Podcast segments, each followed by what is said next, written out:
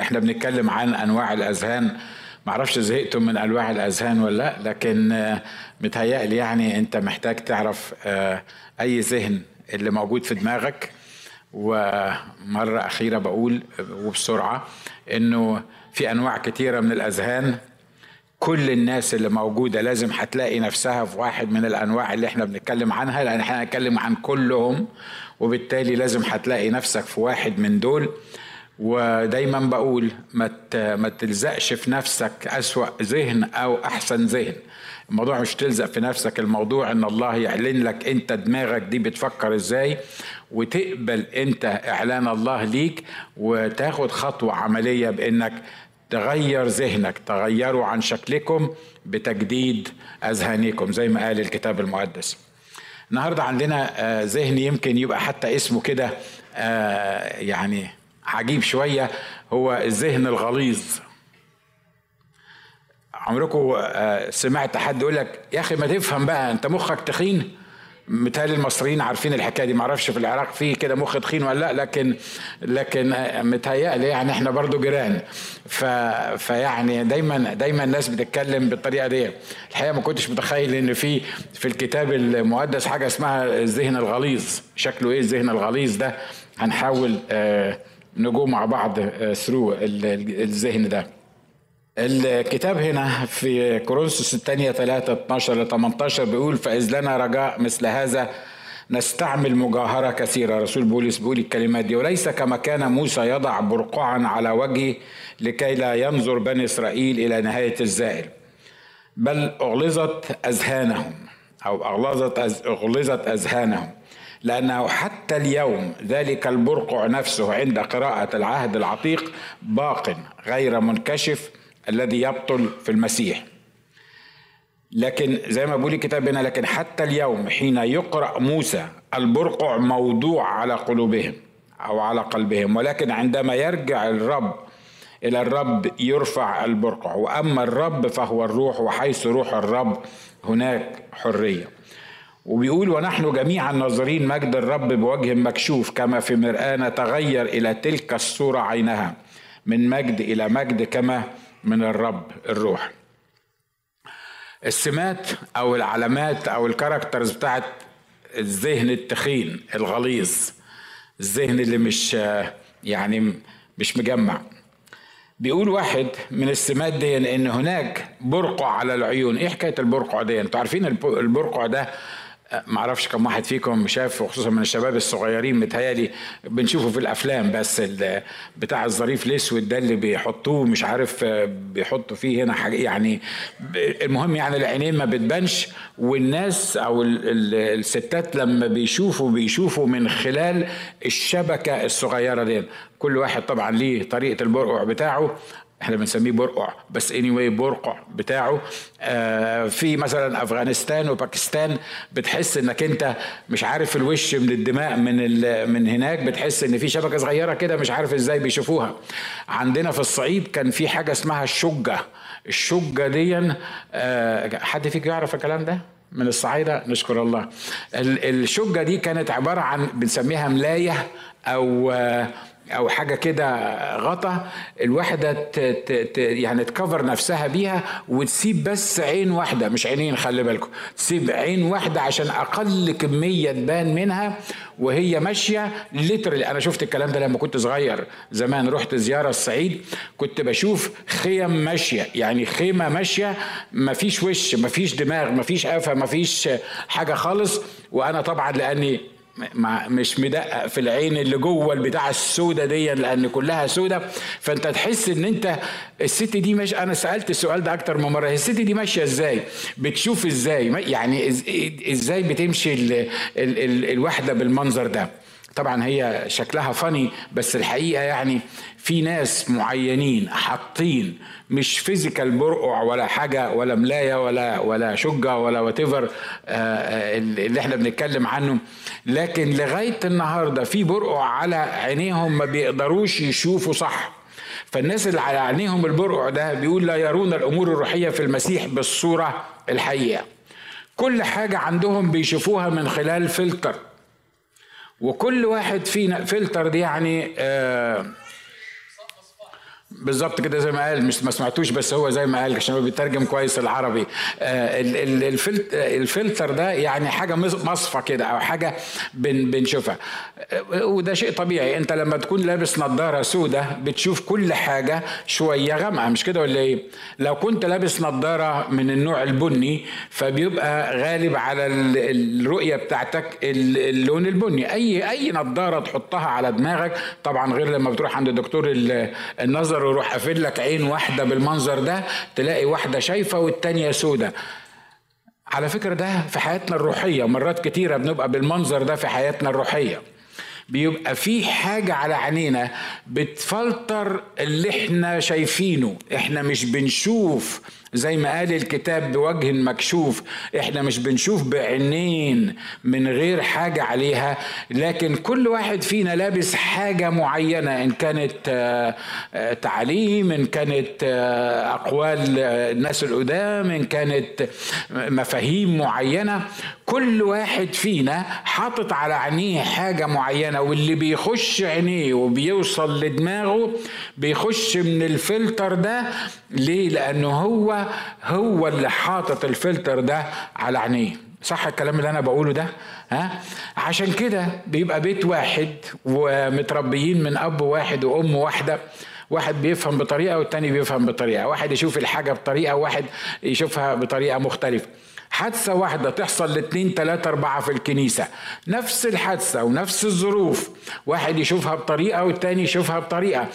الروح القدس لما بيكلم الناس واحد يقتنع ويشوف الكلام اللي بيقوله الروح القدس بطريقة والتاني ممكن يشوفه بعكسها تماما.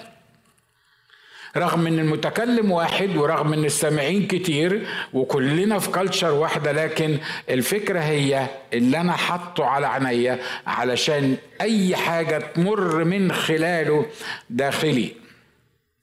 لما تكون حاطط عدسة الروح القدس لما تكون حاطط عدسة المكتوب لما كل اللي انت بتشوفه يمر من خلال الكتاب المقدس تفهم صح وتشوف صح وتحكم صح على الأمور ليه؟ لأنك لابس نظارة اسمها كلمة الله لو لابس أي نظارة تاني إن كانت العيلة ولا الكانتري ولا العصبية القبلية ولا جماعتنا ولا الطائفه اللي أنت منها ولا الكنيسة اللي أنت منها أي نظارة حاططها تاني على عينيك هتضطر تشوف اللي يفوت من النظارة دي بس مش الشيء الطبيعي اللي بتشوفه. عشان كده الناس دول هم أصحاب الذهن الغليظ دول عاملين إيه؟ حاطين برقع على عينيهم. بيفلتر لهم كل حاجة داخلة. فعشان كده بيقول بل أغلظت أذهانهم لأنه حتى اليوم ذلك البرقع نفسه عند قراءة العهد العتيق باق غير منكشف الذي يبطل في المسيح. قابلت مرة واحد يهودي لما كنت في إسرائيل وكان السواق بتاع العربية بتاعنا. واقف لما تشوفه هو بيكلمنا عن الأحداث مثلا الموعظة على الجبل. جايبنا في الحتة اللي هم بيعتقدوا إن دي كانت الحتة اللي اتكلم فيها المسيح عن موعظة على الجبل وعمال يشرح لنا الموعظة على الجبل لترالي بكانة. من كتر الكلام الرائع اللي بيقوله وصفه للناس اللي واقفة حوالين المسيح والمسيح كان بيتكلم وطوبى للودعاء وطوبى للحزانة ولقينا نفسنا إحنا منفعلين ويعني يعني تقدروا تقولوا مثلا تجسد لنا المنظر وقدرنا نشوف يسوع وهو واقف بيخاطب الجموع الكبيرة. بعدين أنا خدته على جنب كده قلت له انت إيه؟ انت جنس ملتك إيه؟ انت يعني انت مسيحي ولا يهودي وانت مؤمن ولا مش مؤمن؟ انت إيه؟ قال أنا يهودي. يعني طبعا بالطريقة أنا يهودي. قلت له يعني بعد كل اللي انت بتقوله ده بعد ما بكتنا كلنا ده اللي مش متجدد فينا اتجدد بسبب الوعظة اللي انت قلتها لنا. اللي ما عرفش المسيح يعني هيرجع يعرف المسيح. امال انت يعني انت لغاية دلوقتي يهودي انت ما قبلتش يسوع مخلص شخص لحياتك؟ انت ما تعرفش إن يسوع قال لي أنا بزنس مان أنا راجل آه تور جايد يعني واحد مرشد سياحي.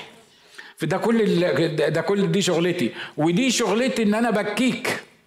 قلت له الله يعني أنت تبكيني وأنت ما بتبكيش؟ يعني أنت بتقنعني باللي أنت بتقوله ده؟ وأنت بالنسبة لك الأمور ده هو أنت إيه بالظبط؟ طب ممكن أسألك سؤال؟ قال لي قلت له ليه مش قادر تصدق اللي أنت بتقوله؟ ليه مش قادر تصدق اللي أنت بتقنعنا بيه؟ اللي أنت بكيتنا بيه دلوقتي ده ليه أنت مش قادر تصدقه؟ قال لي علشان يسوع ده مش ممكن يكون هو الله الظاهر في الجسد أو المسيح. فبقول له ليه؟ قال لي علشان المسيا لما يجي هيخضع كل الشعوب تحت رجلينا. وهو المسيا محدش يقدر يصلبه. المسيا محدش يقدر يقتله. مع إن الكتاب مليان من العهد القديم إنه الصلب ومات وجعل مع الأشرار قبره مع أشرار قبره ومع غني عند موته والنبوات كلها اللي جت على الصليب. بس هم حفظوه وهو صغير إنه المسيا لما يجي ده هيبقى شخص قوي هيخضع الشعوب تحت أرجل الناس دي. فبما أن المسيح ما كانش قوي لأن هو في ذهنه طبعا اللي اتصلب ده مش قوي مش كده؟ مع إن إحنا زي ما سمعنا النهارده الصبح إن الصليب هو قوة الله للخلاص. إن القوة الحقيقية إن يسوع كان موجود على الصليب. لأن الناس اللي كانوا ماشيين تحت الصليب بيقولوا له بيقولوا له يعني يعني خلص آخرين. أما نفسه فما يستطيع أن يخلصها. فانزل عن الصليب عشان نصدقك انزل عن الصليب عشان نعرف إن أنت قوي إنك أنت تقدر تنزل مع الصليب. أشكر الله إنه ما بيمشيش بالعواطف البشرية ولا بالدماغ البشري بتاعنا وإلا كان نزل وكانت بقيت مصيبة لأنه لو كان نزل من على الصليب ما كناش إحنا كلنا اتجددنا كنا هنروح جهنم. يبقى القوة إن واحد يقدر ينزل وقال لهم كده لما لما التلاميذ حاولوا يدافعوا عنه قال لهم أنتوا أنتوا مش, مش فاهمين الموضوع هو أنا ما أقدرش أطلب من أبي يرسل لي اثنا عشر جيشا من الملائكة؟ ده لما سألوه انت مين؟ قال لهم يسوع الناصري بتطلبوا مين؟ قال لهم يسوع قال بمجرد ما قال أنا هو رجعوا لورا واتكافوا على وشهم. طب بمجرد ما أعلن عن نفسه بكلام مش بفعل ومش يعني بقوة إنه أعلن عن نفسه في كلمة أنا هو رجعوا إلى الوراء وسقطوا على وجوههم. أمال لو كان مد إيده على واحد فيهم ولا يعني آه، آه، هش واحد فيهم أو انتهر واحد فيهم كان إيه اللي حصل؟ يمكن الأرض كلها كانت هربت من من قدامه. مش كده ولا إيه؟ بس خلي بالك الفلتر اللي محطوط على دماغ الراجل ده على ذهنه الغليظ ده هو إيه؟ البرقع. في برقع نازل مش قادرين يفهموا مين هو شخص الرب يسوع المسيح. ورسول بولس هنا بيرجعنا الحادثة لما موسى طلع على الجبل وقعد مع الرب ونزل من على الجبل وشه بيلمع. طبعا لما تقعد مع الرب وشك يلمع مش كده ولا إيه؟ ها؟ أمين؟ طب ما تقول للي جنبك كده لما تقعد مع الرب وشك يلمع. ولما تيجي الكنيسة تلاقي نفسك مبتسم. وتلاقي نفسك فرحان وتلاقي يعني وشك كده نحب نشوفه يعني. ده لما تقعد مع الرب يعني لما تقعد مع حد تاني انت حر يعني. ما, ما مش هو ده الموضوع بتاعنا. علشان كده موسى لما طلع على الجبل وقعد مع الرب الشيء الطبيعي إن الله نور واللي يقعد في محضر النور ينعكس عليه النور الإلهي. وقصد الرب إن هو ينزل موسى وش جلده يلمع علشان يقول للناس إن الراجل ده كان قاعد فوق على الجبل مع مصدر النور. ولما نزل وشه بيلمع الناس مش قادرة تبص له الناس مش قادرة تبحلق فيه الناس مش قادرة تركز فيه. فعمل إيه؟ اضطر يحط برقع ده زي اللي إحنا بنتكلم عليه كده حتة قماشة. لما يخش عند الرب يرفعها ولما شفتوا راجل عامل القصة دي؟ يعني راجل حاطط في وش دي تبقى مصيبة لو في الأيام دي يعني واحد عامل كده تبقى تبقى مشكلة. لكن لأنه فعلا كان وجهه بيلمع فاتحط البرقع الرسول بولس هنا بيعمل مقارنة بين عدم فهم الجماعة اليهود دول وغير المؤمنين. لمين هو شخص الرب يسوع المسيح بيعمل المقارنة دي بموسى؟ لما كان وشه بيلمع فاضطر يحط برقع. فكل اللي بيبص لوش موسى الحقيقة مش بيبص لوش موسى ده بيبص للبرقع الأسود ده ولا اللي كان لونه الكتاب ما قالش ولا ما مفتيش البرقع ده كان شكله إيه. لكن واضح إن هو حاجة تحجب النور اللي طالع من وش موسى. إن كان موسى اللي قعد مع الرب لمدة معينة نزل وشه بيلمع لدرجة إن الناس مش قادرة تبص له. أمال أنا لما أقعد مع الرب في العهد الجديد والرب يعلن نفسه من خلالي للناس اللي حواليا بالتالي ما حدش يقدر يبص لي. مش كده ولا إيه؟ ولما يبصوا لي مش هيشوفوا ناجي مش هيشوفوا الدماء أصل بص البرع ده موجود سواء برع في الحياة القديمة أو الحياة الجديدة. الحياة القديمة في في كونفيوجن في حاجة مش مش مفهومة في حاجة مش قادرين يقتنعوا بيها. لكن في الحياة الجديدة لما تقعد مع شخص الرب يسوع تشوف الأمور الروحية بطريقة روحية. تشوف زي ما قلت إنه يسوع ما كانش ضعيف على الصليب. ما تقدرش تشوف الحكاية دي وفي برقع. ما تقدرش تشوف مين هو يسوع وفي حاجة بتحجز عن عينيك الحق الكتابي. الحاجة التانية من أصحاب الذهن الغليظ دول لا يعيشون في الحرية. الحرية الخلاص من القديم. ليه؟ لأنه هو مش شايف لأنه هو حاطط برقع لأنه مستني واحد قوي يجي يخلي الجماعة دول بتوع إسرائيل هم اللي متحكمين في كل حاجة. آه، شايف العهد القديم وحاسس إن العهد القديم ده ده ده ده أعطي لموسى على الجبل. محدش يقدر إحنا حتى إحنا كمؤمنين ومسيحيين معترفين بالحكاية دي. فمحدش يقدر يتفاهم في الموضوع ده أو يتناقش فيه. ليه؟ لأن الوصايا ديا والأمور ديا خدها موسى بالروح القدس أو خدها من الله ب ب حتى لو ما كانش عارف حكاية الروح القدس دي لكن خدها من الله وجابها وكلنا متفقين إنها أمور حقيقية ووصايا روحية. لكن الجماعة دول اللي عندهم البرقع على دماغهم المخ التخين دايما عايشين في الماضي. دايما عايشين في الملموس والمحسوس. تقول لي تقول لي دول مؤمنين؟ يعني الناس اللي عايشة في الماضي دول مؤمنين ولا مش مؤمنين؟ لا صدقوني. حد يصدق إن إحنا حتى في الأيام دي صحيح بنفسر كل الأمور اللي حاصلة في العهد الجديد بناء على العهد القديم؟ لأنه أعلنت في العهد القديم بطريقة أو بأخرى. لكن في ناس لسه عايشة في العهد القديم لغاية النهارده. تلاقي ديبيت كبير قوي قوي على على التلفزيون بين الخدام عن يوم السبت ولا يوم الحد نعمل الكنيسة يوم السبت ولا نعملها يوم الحد حد فيكم تعرض لهذا الدبيت أو شفته على فضائية من الفضائيات؟ تلاقي في ناس اسمهم السبتيين نشكر الله من أجلهم حلوين وربنا يباركهم ويستخدمهم. في ناس اسمهم السبتيين. السبتيين دول أهم حاجة عندهم هم عندهم حاجات كتيرة بس اني anyway أهم حاجة عندهم إن ما تبدلش يوم السبت. السبت ده دي وصية نازلة من فوق احفظ يوم السبت لتقدسه والنفس اللي هي ما تحفظش يوم أنا بديك مثل يعني مش قصدي أنم على أخواتنا السبتيين لكن أنا بقول لك يعني النفس اللي ما تحفظش يوم السبت ده يعني ما تنف... يعني تقطع تلك النفس لو كان ممكن آه، في زي العهد القديم. وأنا قلت لكم الحكاية دي لما كنت في مؤتمر في إسرائيل.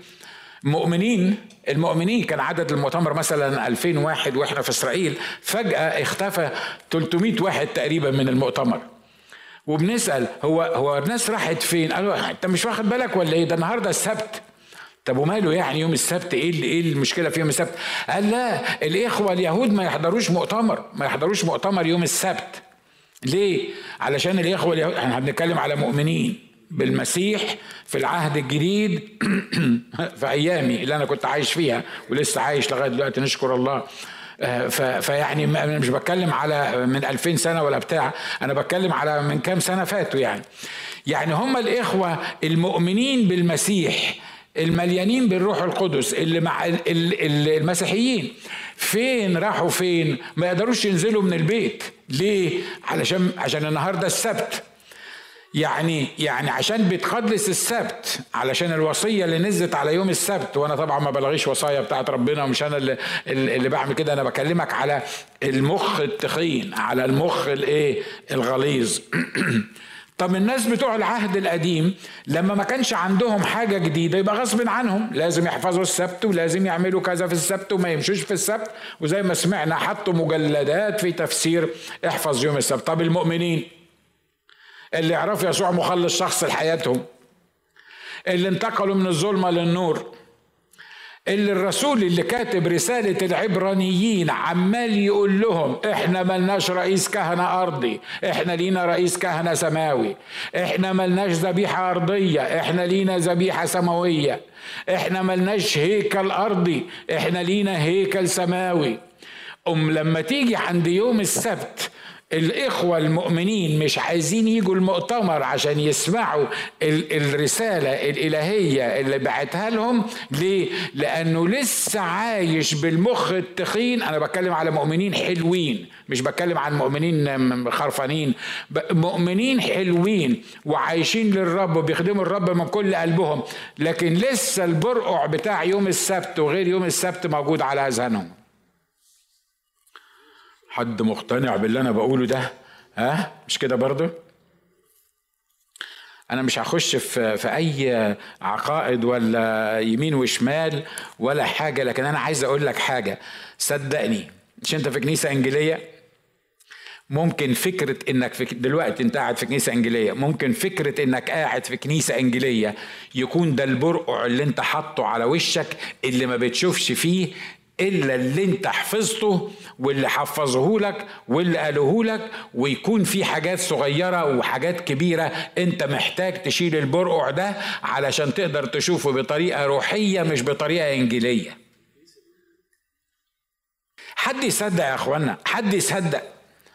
حد يصدق؟ إن الكنيسة الإنجيلية بتقول ما فيش شياطين أو مجموعة من الكنيسة الإنجيلية بتقول ما فيش حاجة اسمها شياطين ولا أرواح شريرة.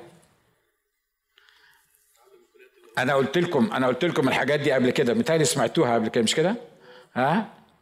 لما كنت مع سيادة اللواء واحد لواء في في الجيش راجل كان رائع جدا وكان أستاذ العهد الجديد في كلية اللاهوت الانجيليه وكنا كل ما نمشي في حتة تلاقي الرتب بيعظموا لنا وبتاع حاجات من كده. طبعا أنا منفوخ لأن ماشي جنب واحد زي ده يعني أنا ما أنا كنت عسكري ساعتها يعني.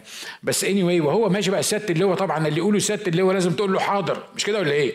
ده انت يعني في حد يعترض على سيادة اللواء؟ ده وأنا عارف انه شخص حلو ومؤمن ورائع يعني. وهو ماشي جنبي بيقول لي يا ناجي انت انت بتصدق ان في شياطين لغاية دلوقتي؟ فأنا بصيت له كده قلت له آه، خير اللهم اجعله خير هم راحوا فين يعني؟ يعني يعني قال لي تقدر تجيب لي قصة واحدة في الكتاب إن في شياطين؟ قصة واحدة؟ انت قلت انت بذاكر كتاب غيرنا ولا إيه؟ طب ما ما في ما في 300 قصة في الكتاب قال لي قصة واحدة اذكر لي قصة واحدة. قلت له القصة انه آه، الراجل اللي كان عليه 2000 شيطان والمسيح انتهرهم وقالوا له دخلنا في الخنازير فراح واخد آه، الخنازير نطت من على الجرف. راح قال لي عيب عليك عيب عليك ادرس كويس ادرس كويس. انت دكتور. الراجل ده ما كانش عليه أرواح شريرة ده كان عنده صرع. عنده مرض الصرع. اقرأ اقرأ. يقول لك لأنه مكتوب فصرعه الروح. ما هو ما دام مكتوب صرعه يبقى يبقى اسم مكتوب هنا يبقى هو ده. هو صرعه الروح. فهو بيقول أهو الكتاب بيقول لك صرعه. يعني اللي حصل له إيه؟ صرعه. قلت له على فكرة أنا لما درسوني الصرع في كلية الطب الأسنان لأن إحنا خدنا بطنة ودرسنا القد قلت له قالوا لي كل حاجة عن الصرع. الا حاجة واحدة الدكتور نسي يقولها لي؟ إن الصرع ممكن يطلع من واحد عنده صرع يخش في ألفين خنزير يعمل لهم صرع يخليهم ينتحروا من على الجرف. هي دي محتاجة محتاجة دماغ. يعني الكلام اللي محتاجة دماغ إنك أنت تعرف إن الصرع بتاع الراجل المصروع دون الصرع ما بيطلعش من الواحد يخش في الخنازير مش كده ولا إيه؟ يعني الصرع ده لازم يكون أكتر من مرض للي حصل مع الراجل ده علشان يطلع من الراجل ده يخش في الخنازير يخليهم ينتحروا. صرع إيه ده بقى؟ مرض إيه ده اللي هو هيخلي الخنازير تنتحر؟ طبعا إحنا بنبتسم وإحنا بنقول بنسمع وبنقول الكلام ده لكن أنت عارف النهارده إن لأن ما فيش شياطين الناس بيقولوا ما فيش جهنم. ومن أشهر الشخصيات اللي بتوعظ يقول لك يعني أي نوع من الإله ده اللي هيفضل يتفرج على الأشرار وهم بيتشوي في جهنم ويصعد دخان عذابهم إلى أبد الآبدين. أي نوع من الإله ده يعني هل دي أوصاف المسيح المحب المضحي اللي مات علشاننا؟ على فكرة المسيح لو ما عملش كده ما ينفعش يبقى إله. عارف ليه؟ لأنه هو ضحى علشاننا وهو جرب جهنم على الصليب علشان ما يودينيش جهنم. لكن لو أنا مصر إن أنا أروح جهنم يبقى هو ملوش حاجة يعني هو مش ذنبه هو ما عملش حاجة مش هو اللي وداني جهنم ده أنا وديت نفسي جهنم لأن أنا اللي باختياري وبإرادتي ما قبلتوش مخلص شخصي ما صدقتوش وما طلبتش منه إن أنا أنفذ من جهنم. دي محتاجة دماغ اللي أنا بقوله ده ما تردوا عليا. يعني يعني دي محتاجة دماغ حد يفهمها عشان عشان نقول إنه يعني يعني الكتاب يسوع نفسه اللي بتقولوا عنه ده قعد يقول ويصعد دخان عذابهم إلى أبد الأبدين. طب لما يصعد دخان عذابهم إلى أبد الأبدين هم هيخلصوا إمتى؟ بيقول لك هو هيتحرق ويخلص. ياخد له خمس دقايق مثلا عشان يتحرق يتحرق ويخلص. ليه؟ لأن الله رحيم مش هيقعد يتفرج على الخطاة وهم بيتعذبوا في جهنم.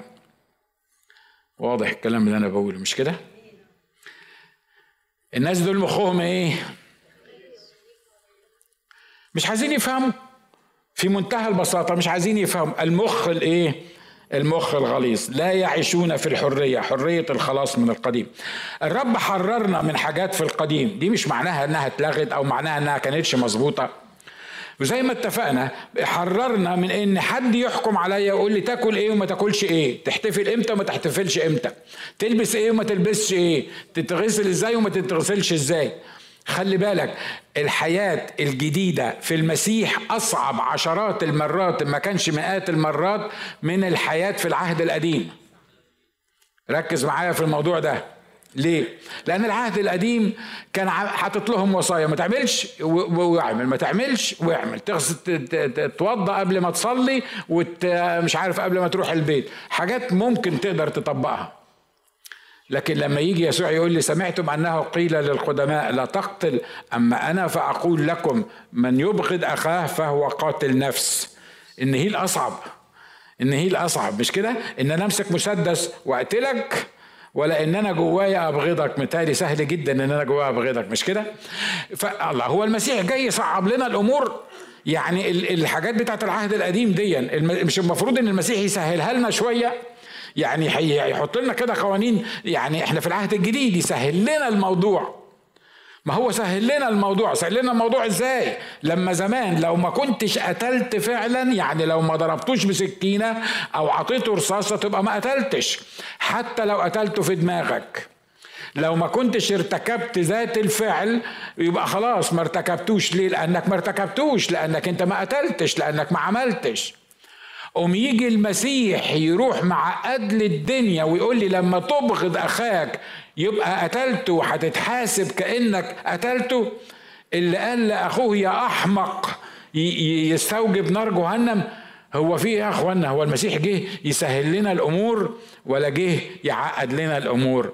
لا الحقيقة من الناحية البشرية المسيح جه علشان يعقد الأمور. أمين؟ بس ما تفصلوهاش عن الجملة التانية إن المسيح من الناحية الروحية جه عشان يسهل الأمور. تقول لي يعني هو جه عشان يصاب صاحب الأمور ولا يسهل الأمور. أنت لخبطتنا كده.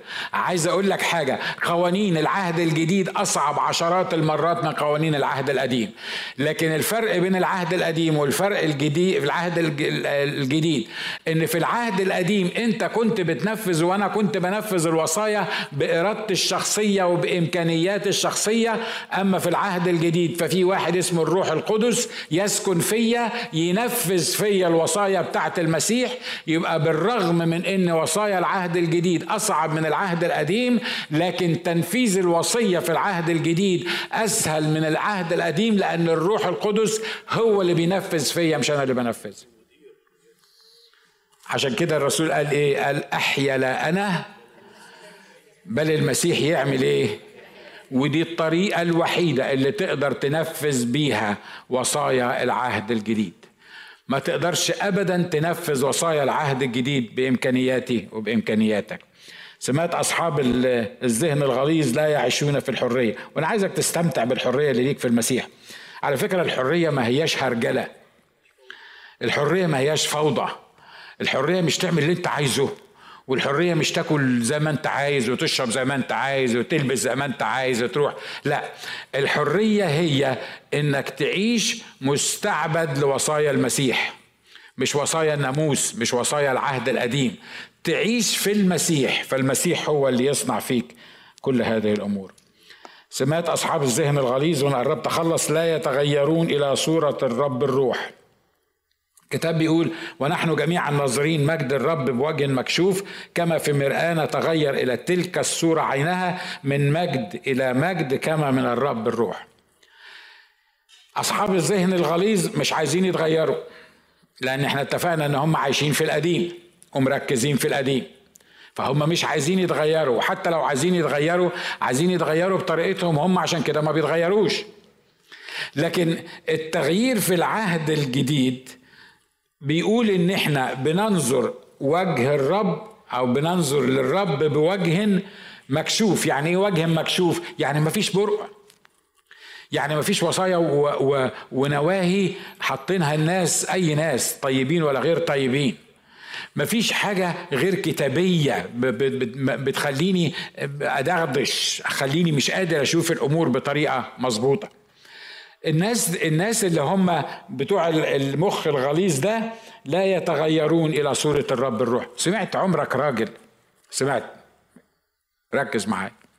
سمعت راجل بيقول لك أنا راجل ما غيرش كلمتي ابدا. كلمتي ما تنزلش الأرض. السؤال للرجالة مش للستات لأن الستات كلهم يرفعوا إيديهم. لأن أنا عارف إن أنتوا كلكم سمعتوا القصة دي قبل كده. لكن أنا بتكلم للرجالة سمعت الحكاية دي؟ تقعد وتفتخر في وسط الناس تقول مش ممكن. أنا الكلمة اللي اطلعها ما غيرهاش. يا أخي ده محمد نزل حاجات وغيرها. طبعا أنت أحسن محمد 30 مرة مش أوعى احسن تفكر أنا بقارنك بيه يعني؟ ده حتى قال ربنا بيغير. طبعا ربنا ما بيغيرش. بس اني anyway سمعت القصة دي. عارف ده اسمه إيه ده؟ عارف اللي بيعمل كده؟ ده اسم على فكرة أنا كنت واحد منهم. عشان أقول لك بإخلاص وبأمانة. لحسن تفكر إن أنا بوعظك أنت. أنا بوعظني أنا. ليه؟ لأن أنا عرفت الحكاية دي لأن في يوم من الأيام كان مخي تخين. كان مخي أنا كنت واحد من المخ الغليظ.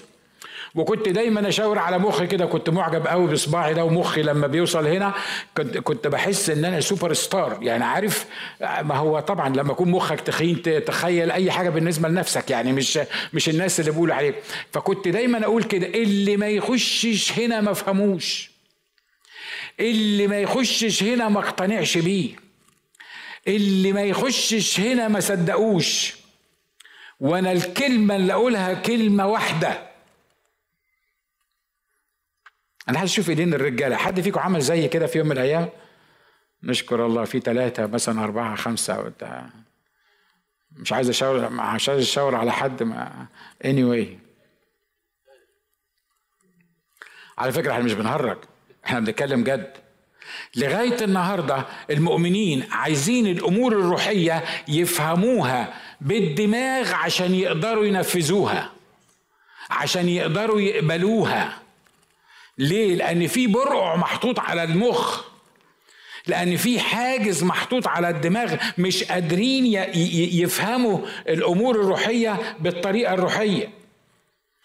الرسول هنا بيقول الجماعة بتوع العهد القديم كانوا بيشوفوا برع دول غصب عنهم. ليه؟ لأن الروح القدس ما كانش موجود عشان يعني يفسر لهم كل حاجة. وكانت الوصايا بتاعتهم أرضية تلمس وما تلمسش وتعمل وما تعملش زي ما قلنا.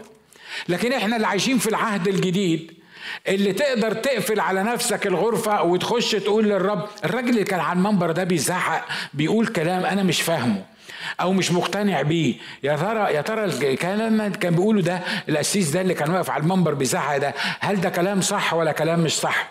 تقدر أنت تخش تسأل الرب الحكاية دي.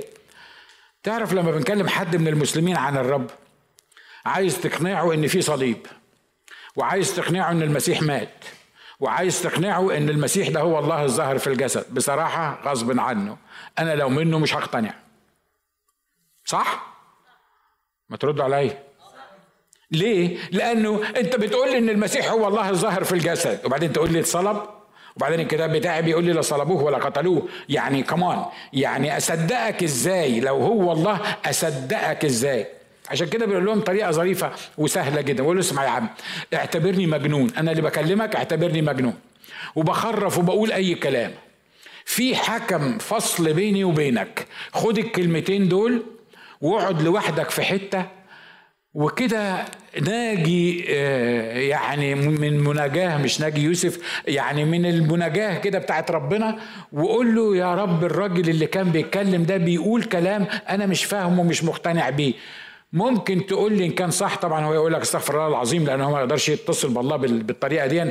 لكن دي حاجة من ضمن الحاجات اللي إحنا بنقولها. طبعا إحنا بنلوم المسلمين مش كده ولا إيه؟ مرات كتيرة صدقوني إحنا كمؤمنين وكمسيحيين بنبقى محتاجين إن إحنا نخش الأوضة بتاعتنا ونحط الأمور الروحية والحاجات اللي عاملة لنا كونفيوجن والكلام اللي بيقوله الأسيس ناجي على المنبر. وطبعا الكلام اللي بيقوله الأسيس ناجي على المنبر لو رحت فتحت الفضائيات هتلاقي واحد بيقول لك عكسه بالظبط. وواحد تاني بيقول لك ده الأسيس ناجي ده مجنون إن هو بيقول ما فيش شياطين. وواحد تاني يقول لك ده مش عارف مين ده مجنون اللي قال إن في شياطين. واحدة وهنشوطنك.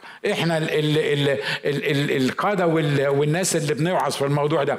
والحل الوحيد الحل الوحيد للموضوع ده إنك تدخل تشوف مجد الرب بوجه مكشوف. ليه؟ لأنه هو شال البرقع هو شال العهد القديم ده وخلانا دخلنا إلى قدس الأقداس. هو عمل كرس لينا طريق حي حديث بجسده زي ما قال الكتاب بالحجاب أي جسده. ولما يسوع أسلم الروح الحجاب اتشق من فوق لتحت مش من تحت لفوق لأن اللي شقه هو الله. والحجاب اتشق وبقي أي واحد من الناس اللي كان ممنوع عليهم إن هم يبصوا حتى للكرتن بتاع الحجاب ده الحجاب اتشق. وأي واحد لو كان التابوت لسه هناك كان كان أي واحد يقدر يشوف من بره في الشارع يقدر يشوف التابوت.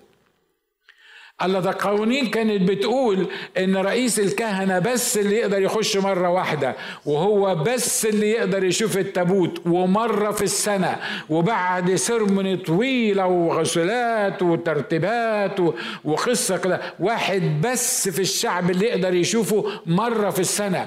يبقى انت اللي واقف على المنبر جاي دلوقتي بتقول لي وأنا ماشي في الشارع قدام خيمة الاجتماع أقدر أشوف التابوت وهو موجود جوه؟ هو التابوت ما كانش جوه اني anyway لكن أقدر أشوف القدس الأقداس. آه إزاي الكلام ده؟ عارف ليه؟ لأن يسوع بمجرد ما نكس الرأس وقال قد أكمل الله الاب شق الحجاب أمين؟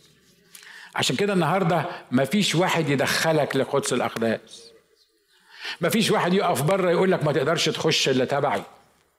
ما تقدرش تخش الا أنا اللي أنا عملت لك واسطة إنك أنت آه، تخش. ما تقدرش ما تقدرش تتصل بالله كده بسهولة يعني. مرة بقول لواحد كده يعني هو بيؤمن كل واحد حر في اللي بيؤمن بيه. بيؤمن إنه ما يقدرش يخش لربنا كده آه، آه، مرة واحدة لازم آه، يعني لازم يكون في وسيط لازم يكون في شفيع أو شف وات يعني. فأنا بقول له على الحكاية دي قال لي أنت تقدر تخش للمدير أو للدكتور رئيس القسم أو الدكتور بتاع العميد تقدر تخش له كده على طول تخبط على الباب وتخش؟ قلت له لا. قال لي إذا كنت ما تقدرش تخش للعميد بتاعنا الأرضي على طول وتفتح الباب لازم تخش من السكرتيرة.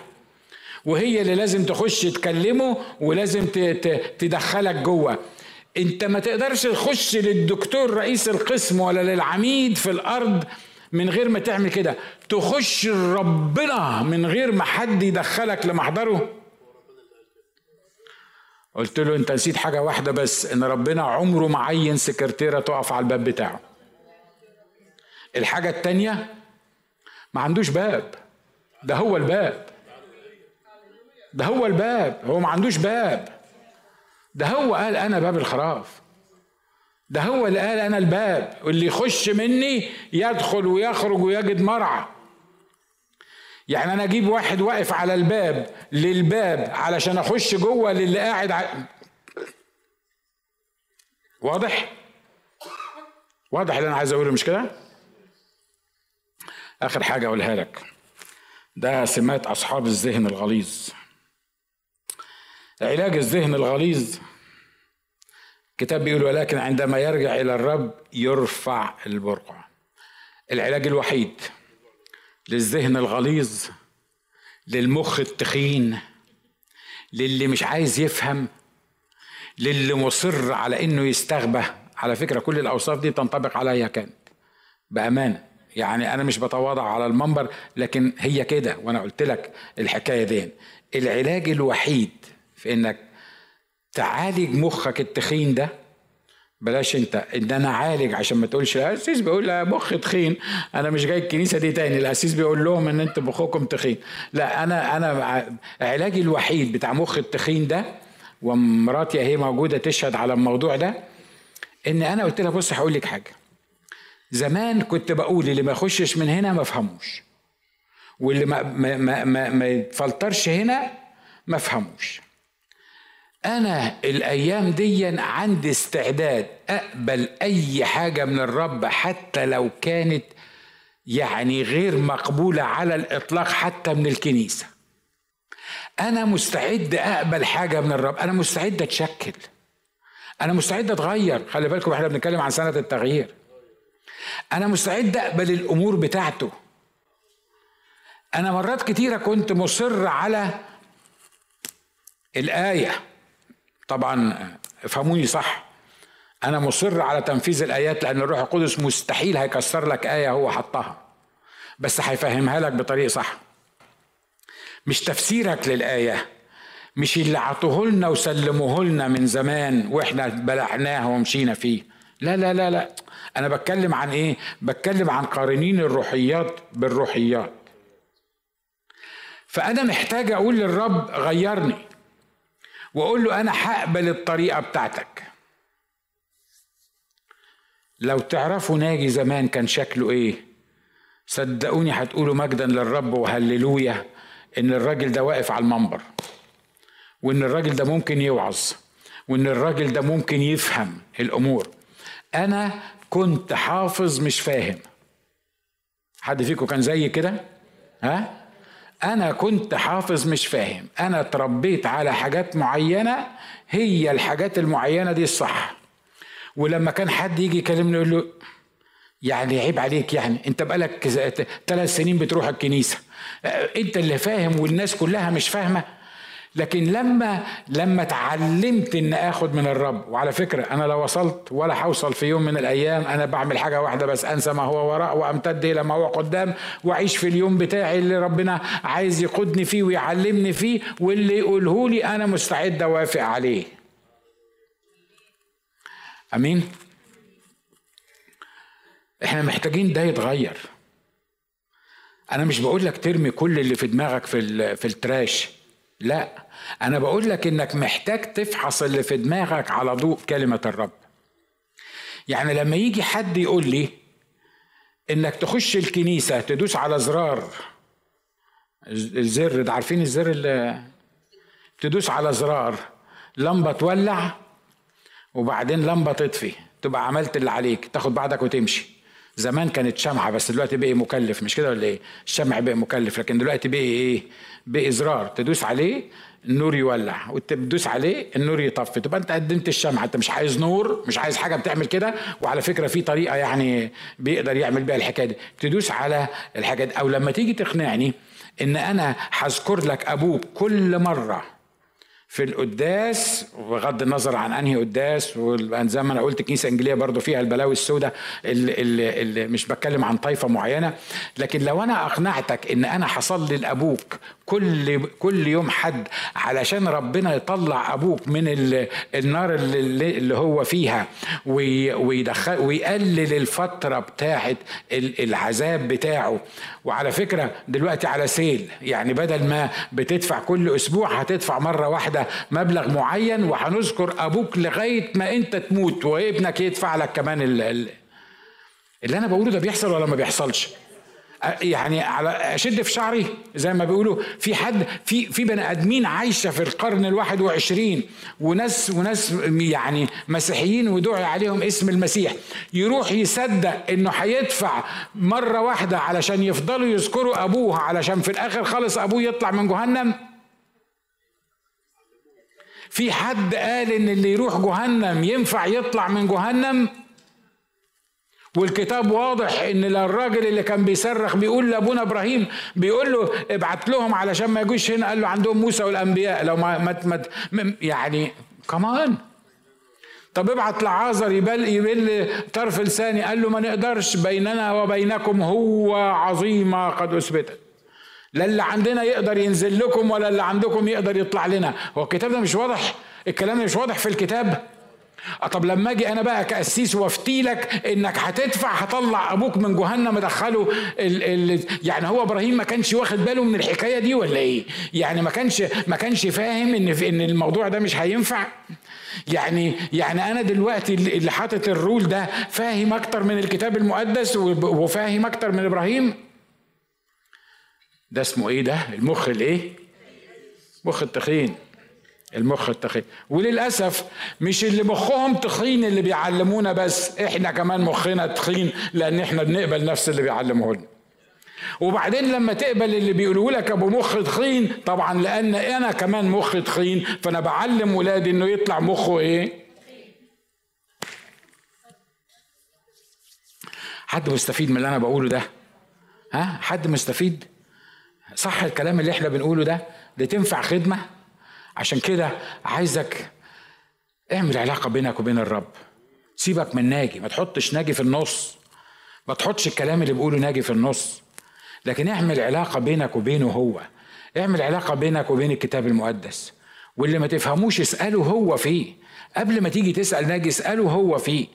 اللي, اللي تحتار فيه قبل ما تيجي تسأل فيه القسيس اقعد معاه واسأله وأنا أؤكد لك إنه هيجاوبك. لأن مستحيل مستحيل حد يكون بيدور على الحق ويقعد مع الرب ويتكلم معاه إن ما كانش الرب بعشرات الطرق يقدر يشرح له ويقدر يفهمه لأنه مكتوب يرد نفسي يهديني إلى سبل البر من أجل اسمه. لأنه لأنه اسمه دعا علينا وهو إله الكل عشان كده هو بيصحح لنا الأمور ده. تعالوا نقف مع بعض ونحن رؤوسنا ونقول يا رب آه، إحنا عايزين تغيير لدماغاتنا. قول يا رب أنا عايز عايز مخي ده يتغير.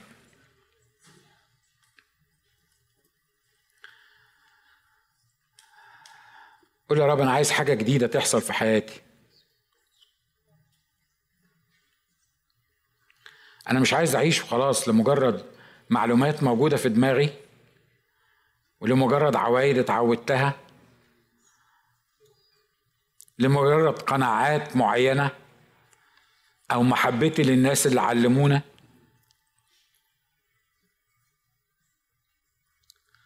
أنا عايز أتحرر أنا عايز أتحرر من المخ ده من الذهن الغليظ ده. من الإصرار حتى على الضلال مرات. لأني مش عايز أفكر.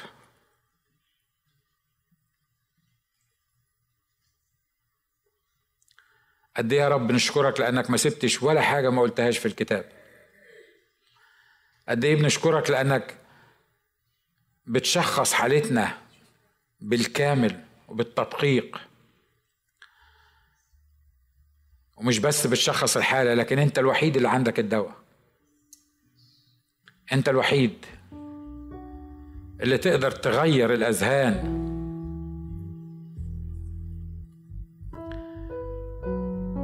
ولما أعطيتنا الوصية تغيروا عن شكلكم بتجديد أذهانكم لتختبروا ما هي إرادة الله الصالحة الكاملة المرضية.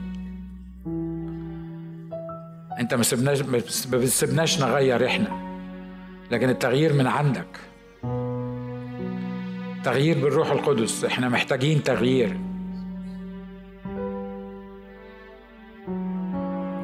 قول يا رب غيرني غيرني. خليني أخضع ليك. خليني أخضع لفكرك. مكتوب حيث روح الرب هناك حرية. اديني الحرية دي. اديني الحرية المبنية على عمل روحك. فيا. مش الحرية اللي أنا عايزها عشان أعيش بمزاجي وأعمل اللي أنا عايزه لكن أنا عايز الحرية اللي في المسيح.